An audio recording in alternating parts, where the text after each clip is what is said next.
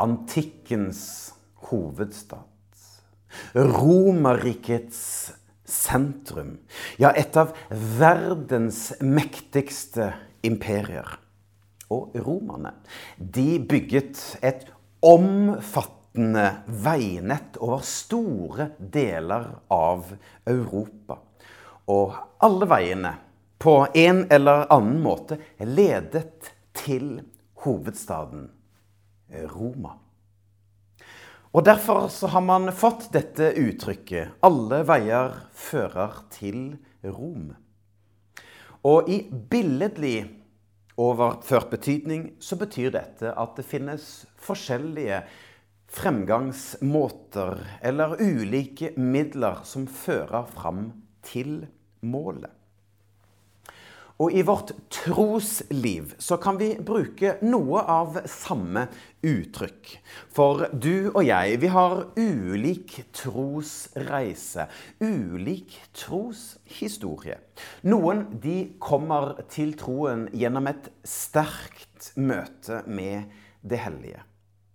Noen opplever små gudfeldigheter som leder fram til tro. Noen dem har vært kristne hele livet. Ja, fra barndommen av så har man vokst inn i troen. Og man har kanskje ikke en bestemt frelsesdato. Noen blir ledet til Jesus av foreldrene sine. Andre fra besteforeldre eller tante, onkler. Noen har blitt invitert inn gjennom Eh, en venn eller en kollega eller en bekjent. Ja, vi har alle vår egen reise. Og noen de er på reise hele livet, mens andre får en rask omvendelse. Og det viktigste er ikke hvor du er. Om du er langt unna, eller om du er nære Jesus. Men at du er i retning mot ham. Jeg har kalt denne preken for 'Alle veier fører til prikk, prikk, prikk'. For det jeg har egentlig lyst til å si, det er det finnes mange veier til Jesus. Men Jesus er den eneste veien til Gud. For du og jeg, vi kan ha ulike ja, både hastighet og ulik bevegelse mot Jesus. Vi kan ha ulik historie, men vi kommer mot Jesus. Men det er kun Jesus som er den eneste veien til Gud. Og dette sier jo Bibelen ganske tydelig. Og vi kan gå til 1. Timoteus brev 2, og der står det For det finnes bare én Gud.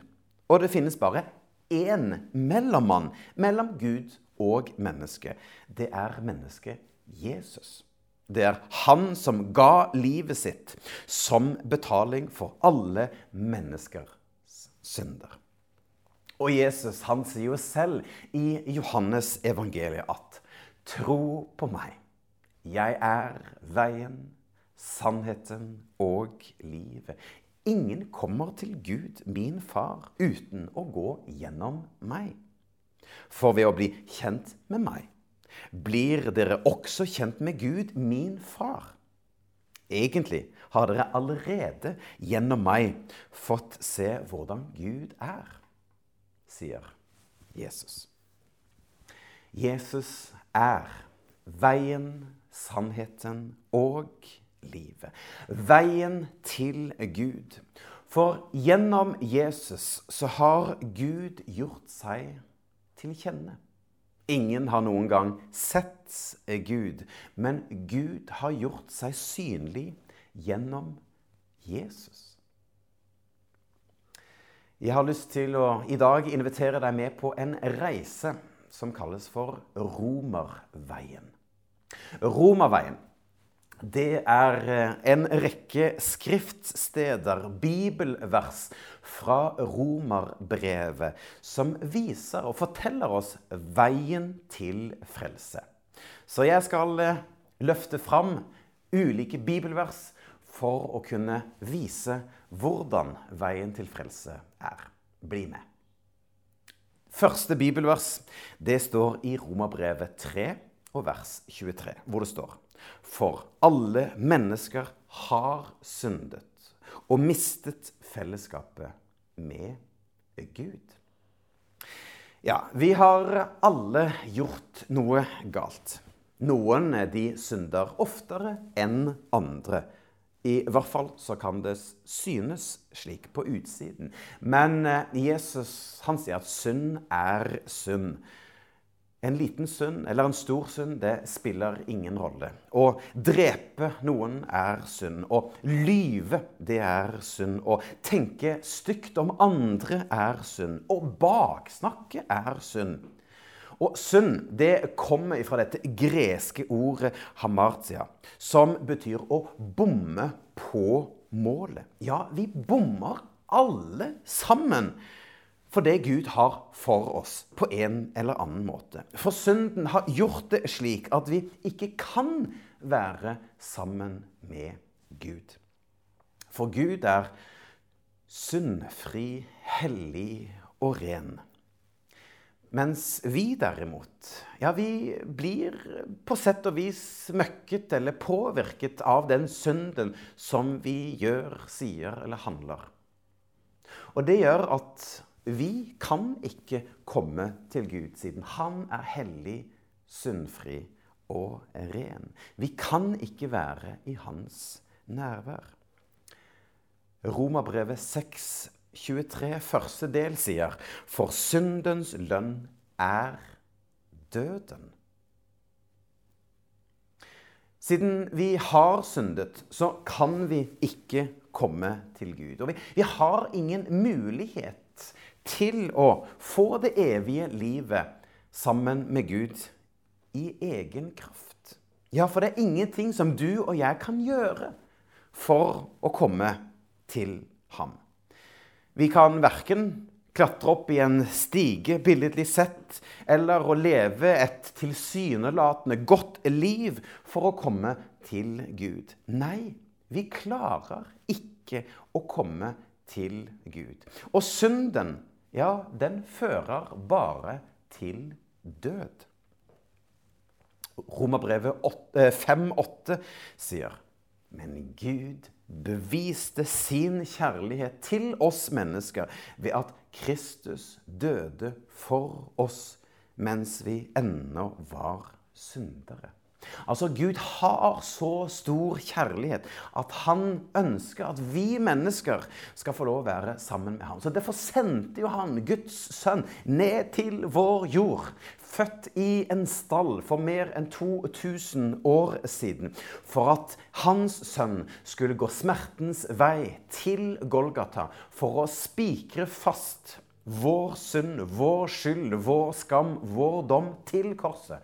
For at han skulle overvinne synden og dødens makt. Han gikk dødens vei for oss. Han tok vår straff på seg. For den synd og den skyld som vi skulle hatt, på grunn av det vi har gjort, tok han på seg. Og dette gjorde han lenge før vi ble ble født. Og han gjorde det én gang for alle. På et kors. På Golgata.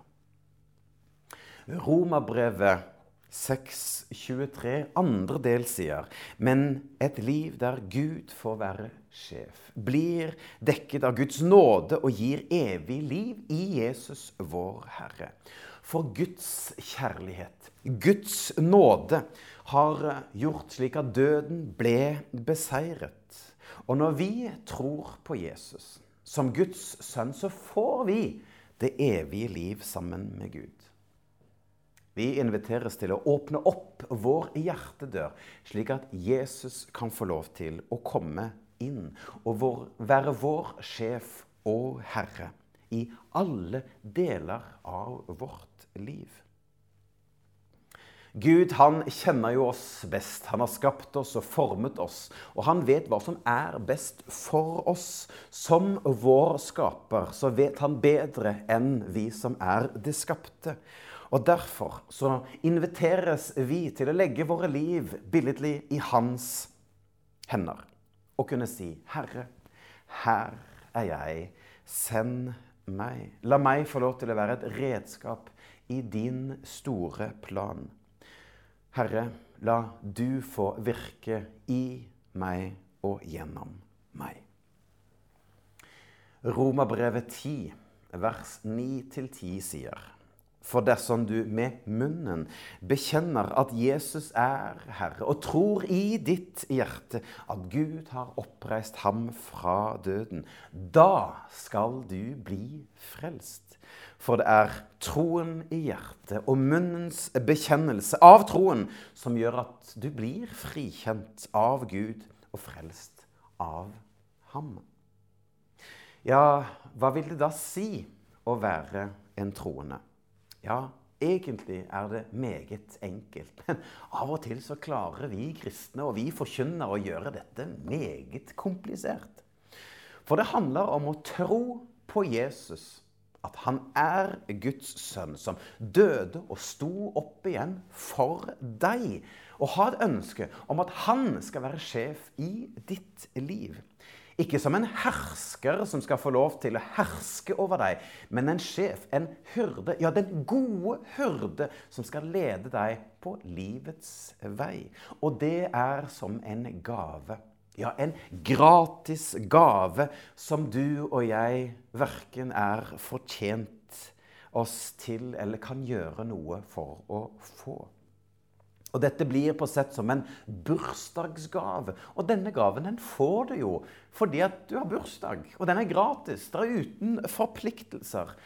Men du må jo åpne opp denne gaven, da.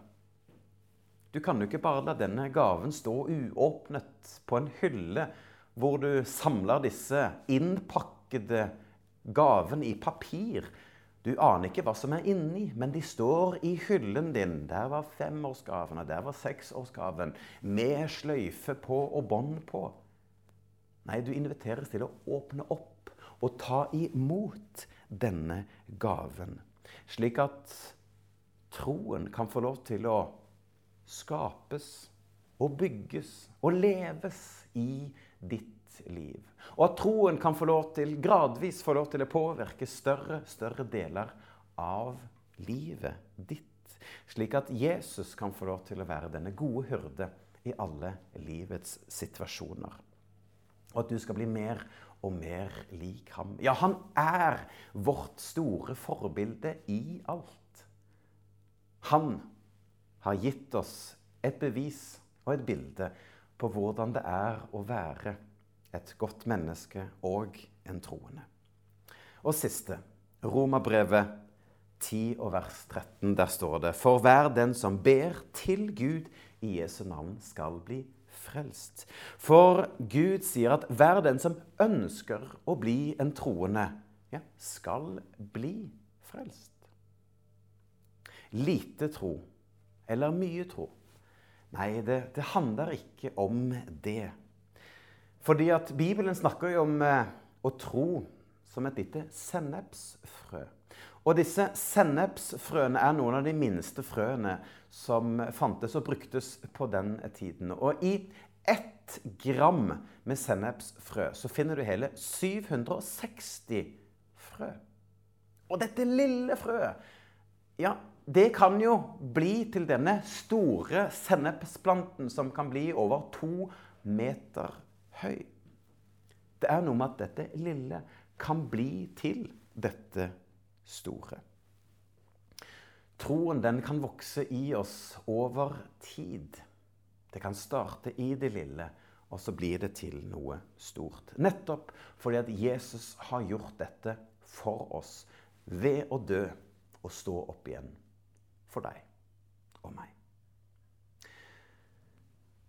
Og synet på Jesu død og oppstandelse har endret seg litt gjennom tidene. Og i min siste del av denne preken så har jeg lyst til å snakke om dette med forsoningslæren. For oppstandelsen av Jesus er selve fundamentet i den kristne tro. Og troen på Jesus eh, det, det handler jo om å tro at Jesus er Guds sønn, at hans offer død på korset, og tro på hans oppstandelse. Og gjennom sitt soningsverk på Golgata og oppstandelse fra de døde, ja, det overvant da Jesu, vår synd og dødens makt for oss. Og I den kristne dogmatikk så brukes da begrepet forsoningslære for å beskrive hva Jesu offerdød betyr. Og Da har vi tre ulike forsoningslære. Du har den eh, klassiske, den objektive og den subjektive forsoningslæren. Og ifra oldtiden så var den klassiske forsoningslæren den gjeldende. Og den tok utgangspunkt i at mennesket er bundet til og av onde makter som synd, død og den onde. Og mennesket det klarer ikke å kjempe seg fri fra disse kreftene og disse maktene. Så Derfor så befrir Jesus oss fra dette gjennom hans død og oppstandelse, og dermed overvinner syndens makt. Dette synet, eller denne læren, fokuserer ikke på menneskets synd eller skyld overfor Gud. For først i middelalderen så vokser det fram da denne objektive forsoningslæren seg sterkt. Som òg er den som er mest gjeldende i dag. Og det er at mennesket har syndet og må derfor straffes for sin synd. Og gjennom Jesu død og oppstandelse så tar Jesus vår straff på seg istedenfor at vi måtte gjøre dette. Og det gjør at den synd som er gjort, og den synd vi kommer til å gjøre, er altså allerede da gjort opp for.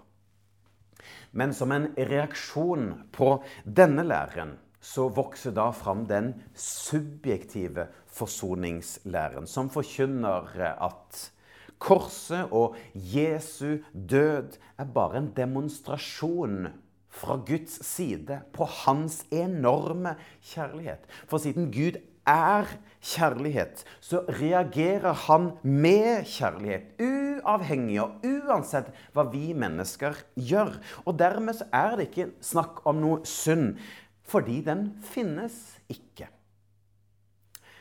Og jeg tror at summen av disse tre den klassiske, den objektive og den subjektive forsoningslæren den hjelper oss til å forstå bredden, høyden og dybden av det Jesus gjorde gjennom hans død og oppstandelse.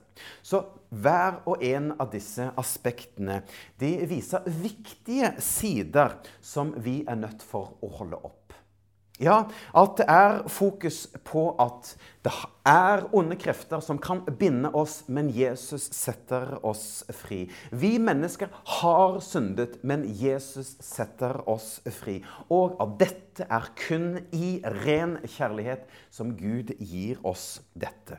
For det ene det utelukker ikke det andre, men de utfyller hverandre. For du er velkommen til å ta imot denne frelsesgaven som Gud har gitt. Du er velkommen inn i Hans rike. Og Derfor har jeg lyst til å avrunde denne preken med å si, som jeg sa innledningsvis Det finnes mange veier til Jesus, men Jesus er den eneste veien til Gud. Ta imot Herrens velsignelse. Herren velsigne deg og bevare deg. Herren la sitt ansikt lyse over deg og være deg nådig. Herren løfte sitt åsyn på deg og gi deg fred. Amen.